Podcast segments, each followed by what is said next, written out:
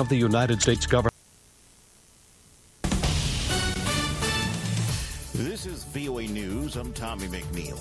French President Emmanuel Macron says sending Western troops on the ground in Ukraine is not ruled out in the future after the issue was debated at a gathering of European leaders in Paris as Russia's full scale invasion grinds into a third year. The French leader said that we'll do everything needed so that Russia cannot win. win. Uh, the, the war, the meeting gathered over 220 European heads of state and government, government and other Western officials. Macron added, there's no consensus today to send an official endorsed manner troops on the ground. But in terms of dynamics, nothing can be ruled out. He declined to provide details about which nations were actually considering sending troops there. An, An active duty member of the U.S. Air Force has died after setting himself ablaze outside the Israeli embassy in Washington while declaring that he will no longer be complicit in genocide. The Metropolitan Police Department says that 25-year-old Aaron Bushnell of San Antonio, Texas, died from his injuries. A person familiar with the matter said that he walked up to the embassy shortly before 1 p.m. and began live streaming on the video streaming platform Twitch. Law enforcement officials believe he set his phone down and then doused himself in an accelerant and ignited the, the flames. Israel has adamantly denied the genocide allegations and says it is carrying out operations in accordance with international law while carrying out the Israel-Hamas war. The The U.S. Supreme Court has cast doubt with state laws that could affect how Facebook, TikTok, X, YouTube, and other social media platforms regulate content posted by their users.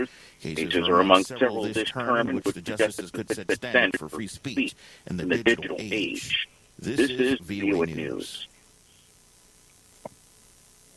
U.S. President Joe Biden says that he hopes a ceasefire between Israel and Hamas that would pause hostilities and allow for remaining hostages to be released can take effect by early next week.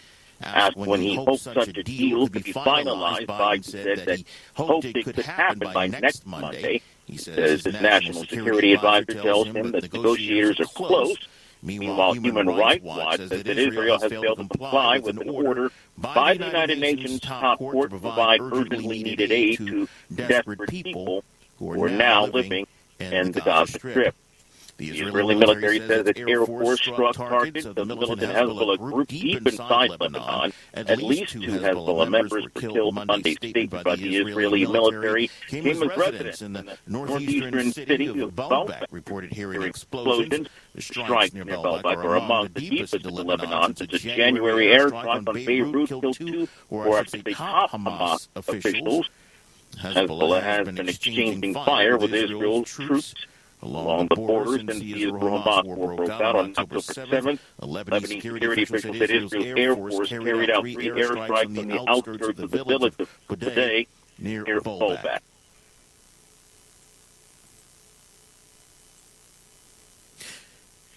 February's end is bringing wild weather to much of the United States.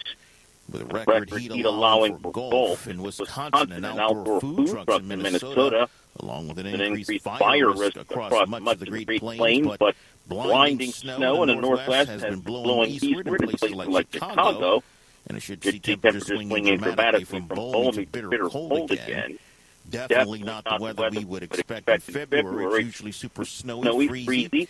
You know, ice everywhere, and so we're just just trying, to take, advantage, of a very nice week this week. That's according to Tanya Sepulveda, a 30-year-old Chicago therapist who was working from home Monday using her laptop in a grassy spot along the Lake, Michigan shoreline. shoreline. Donald, Trump has appealed his $454 million New York civil fraud judgment, challenging a judge's finding that he lied about his wealth as he grew the real estate empire that launched him to start in the presidency. The former Former president's president's lawyers filed notices of appeal Monday, asking the state's mid-level appeals court to overturn the judge's February 16th verdict and Attorney General Letitia James's lawsuit adverse staggering penalties that threaten to wipe out Trump's cash reserves. And And Trump's lawyers wrote a court paper that they are asking the appeals court to decide whether they committed errors of law in or fact. I'm Tommy, Tommy McNeil, VOA News.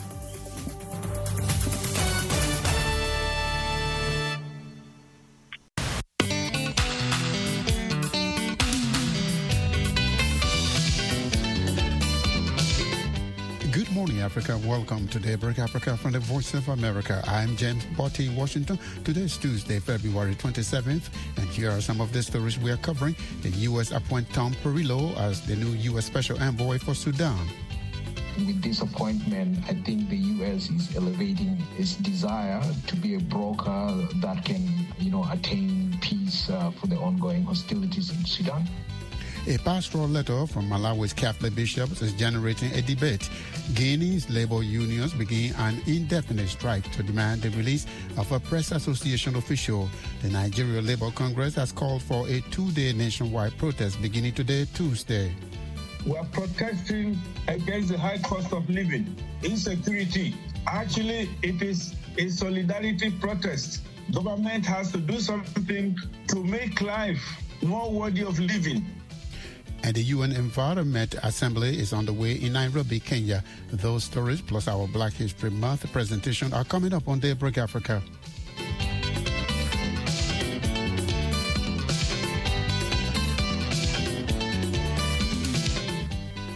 U.S. Secretary of State Antony Blinken has appointed Tom Perriello as the new U.S. Special Envoy for Sudan.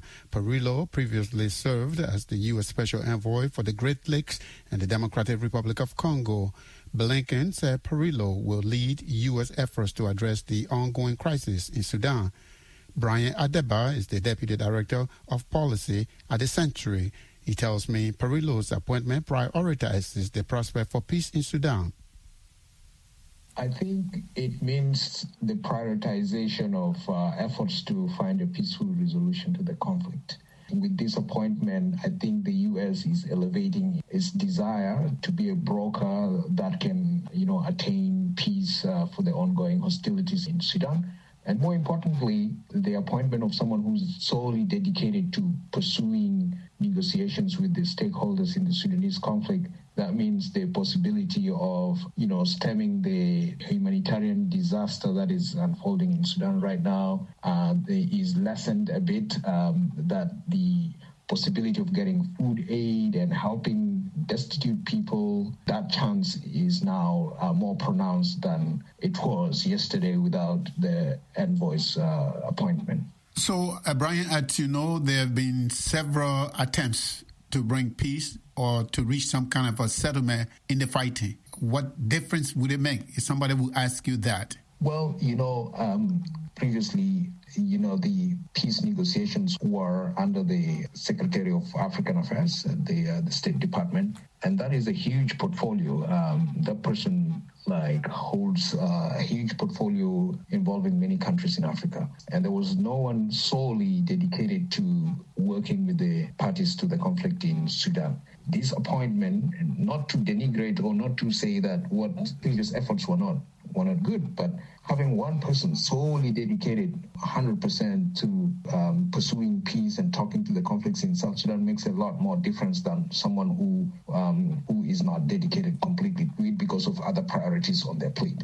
This prioritization of placing one person at the center to be in charge of um, negotiations, to be in charge of talks and outreach to stakeholders in the Sudanese conflict, I think makes a big difference. Comment on what I'm just reading. Uh, Yasser Arafat is calling for stopping the war in Sudan during the uh, holy month of Ramadan. Is it possible? I think from a humanitarian perspective, um, if the parties to the conflict can heed it, that that is possible. But I think that when you look at the conflict dynamics on the ground, uh, the way the conflict has evolved recently, and taking into consideration especially the gains made by the Sudanese armed forces in uh, areas that they were previously um, besieged in, in Khartoum, uh, around Omdurman, around uh, the neighborhoods of uh, Kadru in uh, in Bahri, which is uh, in Khartoum North. With those gains, I think it's going to harden their stance uh, towards um, agreeing to a ceasefire to lessen the, the burden on the suffering civilians in, in Sudan.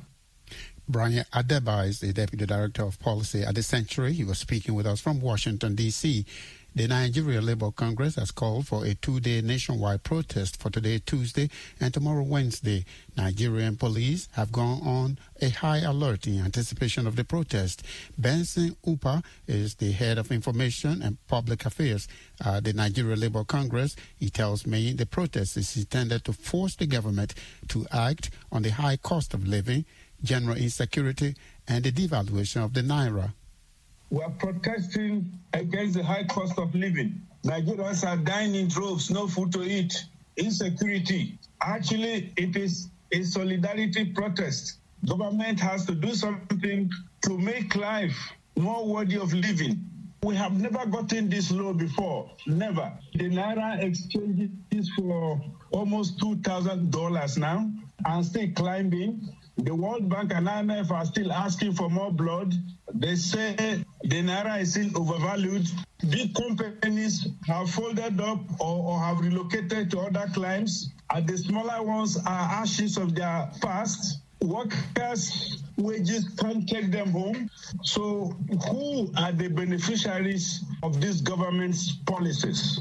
I thought the government said it reached an agreement with you not to hold any protests as the government was trying to work out solving the economic problems. Well, Mr. Butty, we never reached such an agreement. The agreement we signed on October 2nd was a 15 point agreement that placed both duty and obligation on government to do certain things that could ameliorate the hardship. But governments serially observed those agreements in breach. Nothing has been fixed. In light of this, we can't be held liable for, for any violation. You know the rules. If a party unilaterally violates a fundamental term or fundamental terms of an agreement, the other party also has a right to do the needful. The police, I understand, uh, have put officers on red alert. Do you have authorization from the police uh, to hold this uh, protest? We don't need permission from the police to hold our protest. The right to peaceful protest is guaranteed by our constitution, the 1999 constitution as amended. President Bola Tinubu met, I think he has established a commission to look into the uh, economic crisis. Why not give the president a chance to work out how to solve the problem? We have given the president enough chance. From early June till now, he's been promises, nothing. There is nothing that suggests that anything will change now. And in fact, let me say this no government has been this lucky with organized labor. Meanwhile, people are dying in droves, people are being killed in droves. I mean, there is hunger in the land. Okay, let me just give you an example. Noodles, the popular brand in the country here is known as Indomie. A carton used to cost 1,000.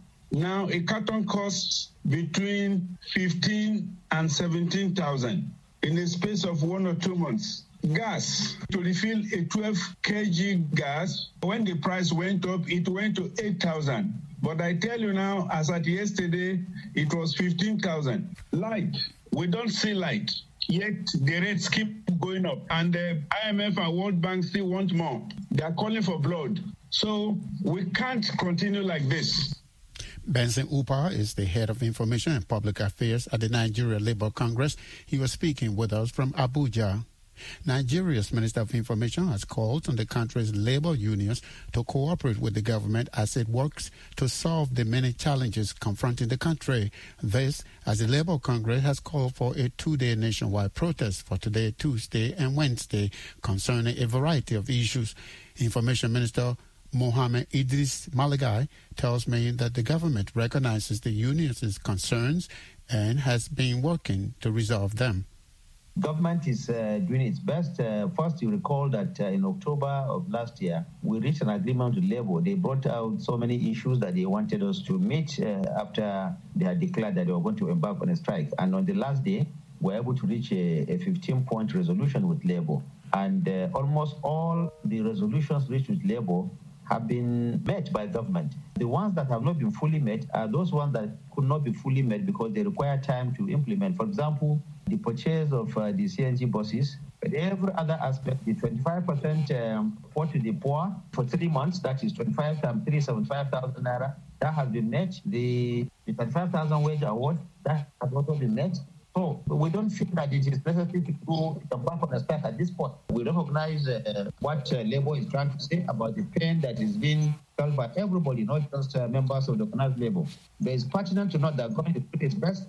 Only yesterday, the president met with the leaders of the private sector to find a common ground so we want Labour to work with government. Uh, they are our brothers, they are Nigerians, and government respect their views. As you said, you met before. Did you agree for them not to protest? Yeah, there was no basis for that, actually, because everything they asked for, they, we have met. Everything government asked for, they have met. The only addition that they have brought now is that there is hardship in the land. I mean, if there is hardship in the land, it's not good for Labour to come together and find a solution to it. Why, how will protest uh, uh, bring down hardship? I'm not to see that. Protest cannot bring down hardship. It's concerted effort, partnership, collaboration, you know, discussion and uh, and hard work that can bring down hardship. You know, what they indicated was that they have given the government so much time to get things right. Well, government is not a private sector. Government is not an individual uh, enterprise. It's not a company. Government is a collection of uh, of various uh, ministries, organizations, and agencies. Government is working to meet the demand of labor.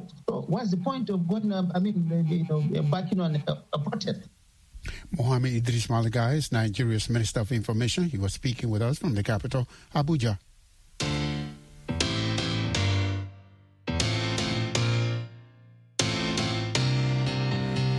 You're listening to Daybreak Africa on the Voice of America. I'm James Butty in Washington. Today is Tuesday, February 27th. For more Africa news and features, visit our website at voaafrica.com. Connect with us on all social media platforms. We are on Facebook, Twitter, and Instagram.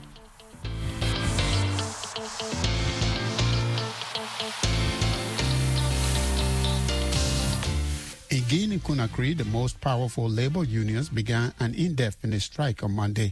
The unions are calling for the immediate and unconditional release of the Secretary General of the Professional Private Press Association of Guinea and the reduction in commodity prices. Reporter Karim Kamara has details from Conakry.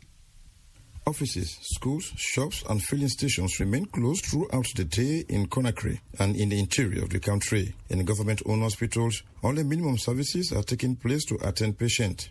Just few commercial vehicles are plying the roads in some areas of Conakry since Monday morning. Well-armed police and gendarmes could be seen patrolling the streets of Conakry on board their vehicles, while others are stationed in strategic areas around the city. Intermittent gunfire could be heard in some parts of Conakry as security forces disperse angry youth. At least one 18-year-old boy was shot dead by security forces in Sonfonia, a neighborhood in the capital. Gali Jallo is a civil society activist. He says the strike action is a result of bad governance and the refusal by the authorities to provide care for Guineans. He says people are really suffering. He says the prices of all food items have skyrocketed. He says concerning the social, political condition, there are lots of restrictions of freedom. He says recently there have been restrictions on internet, jamming of the frequencies of certain radio stations, and the arrest and detention of journalist Sekou Jamal Pendessa, whom he says is also a labor unionist. The labor unions are demanding free access to the internet, a reduction in prices of basic food items such as rice, which is a staple food in Guinea, and the immediate and unconditional release of the jail journalist Sekou Jamal Pendessa. Dr. Edward Zotomo is a member of the Guinean opposition. He blamed the current situation on the junta and says they are in solidarity with the labor unions.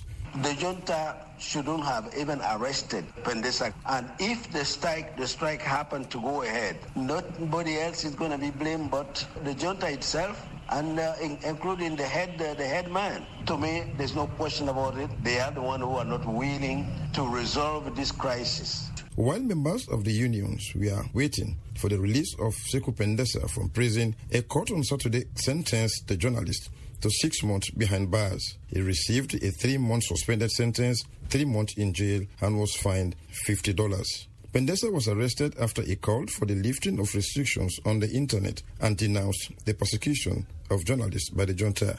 On the street of Conakry early on Monday morning, this is how people reacted to the strike. Frida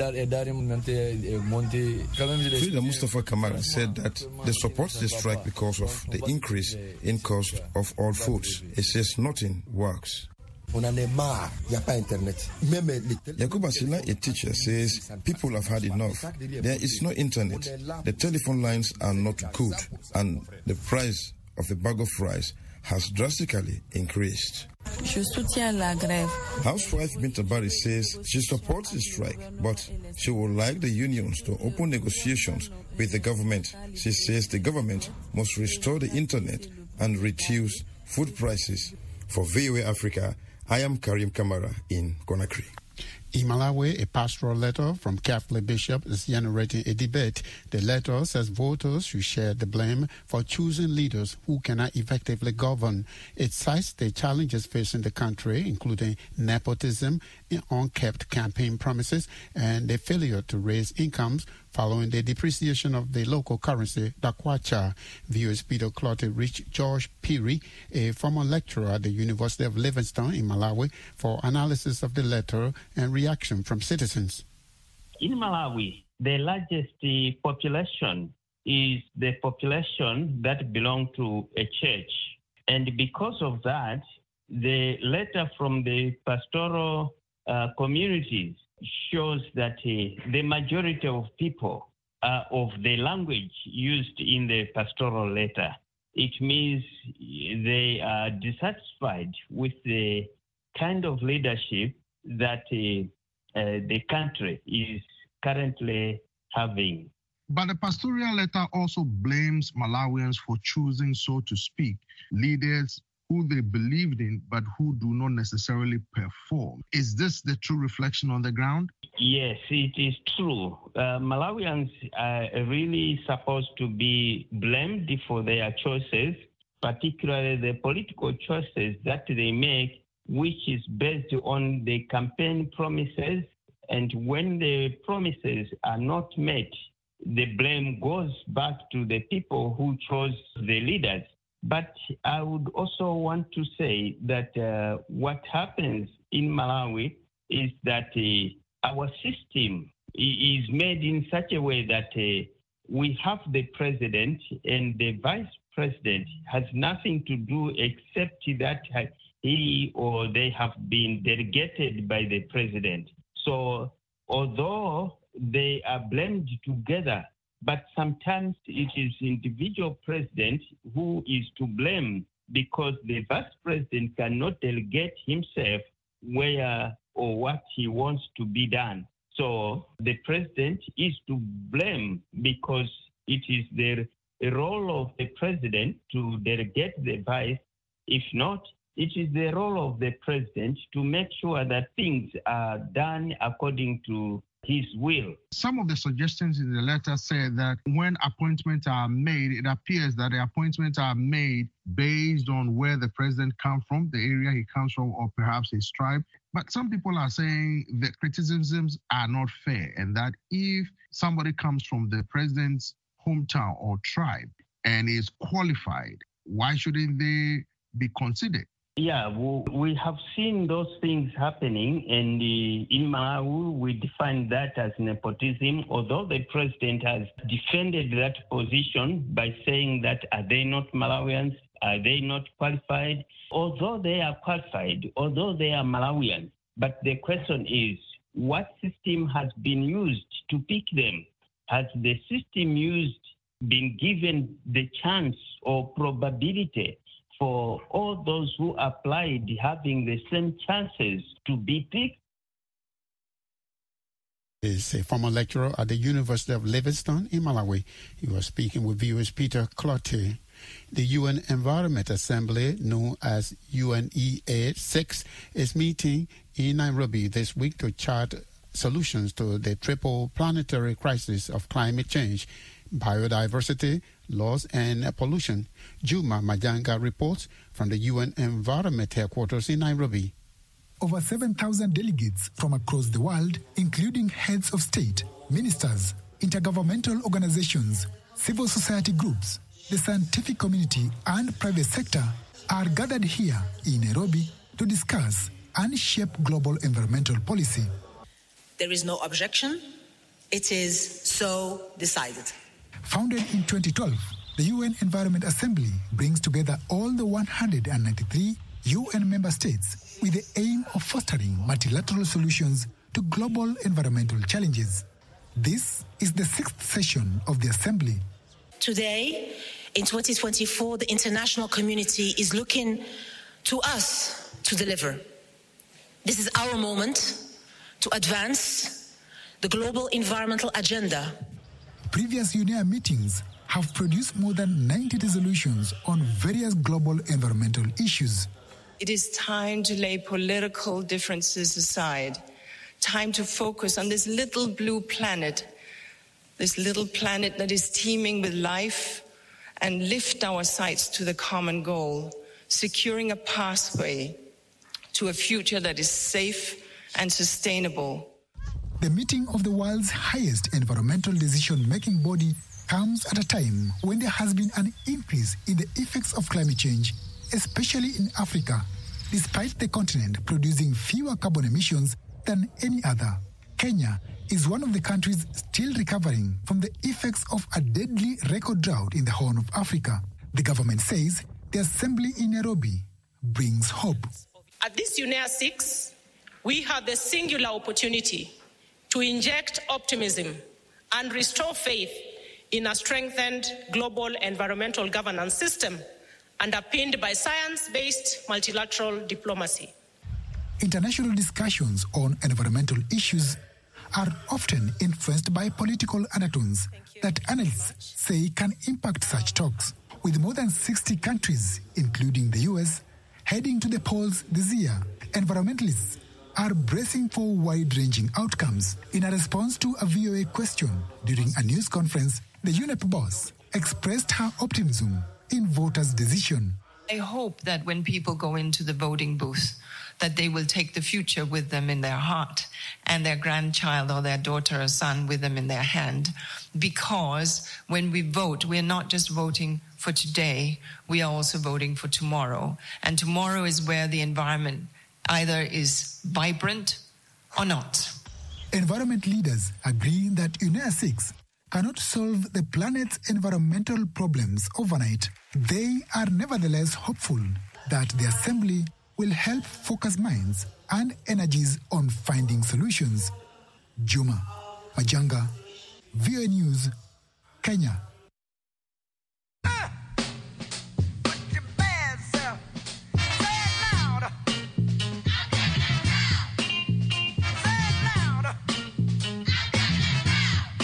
It is time now for our Black History Month and African History presentation for today, February 27. On this day in 1988, Debbie Thomas became the first African American figure skater to win a medal of bronze at the Winter Olympics in Calgary, Canada. Thomas also won the World Figure Skating Championship in 1986. Debbie Thomas went on to become a medical doctor. Also on this day in 1853, the first black YMCA was organized in Washington, D.C. by Anthony Bowen. Back then, African Americans were excluded from the existing YMCA. On this day in 1902, African American and world renowned opera singer Marian Anderson was born in Philadelphia, Pennsylvania. She went on to be the first African American to perform at the White House. Also on this day in 1869, the U.S. Congress adopted the 15th Constitutional Amendment. It made it illegal for the United States or any local or state government to deny or abridge the right to vote on account of race, color, or previous condition of servitude. And those are your Black History Month and African History facts for today, February 27. And that's it for this Tuesday, February 27th edition of Daybreak Africa. We thank you for spending your morning with us. On behalf of the Daybreak Africa team, I am James Butty in Washington, wishing that you will have an amazing Tuesday.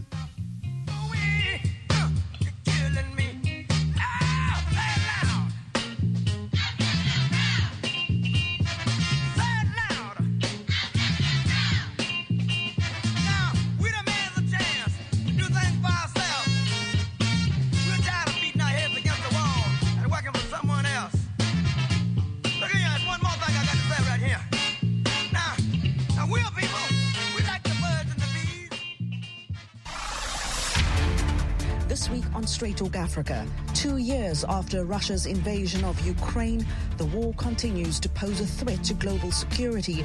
How is Moscow funding this war? Why is it spreading disinformation?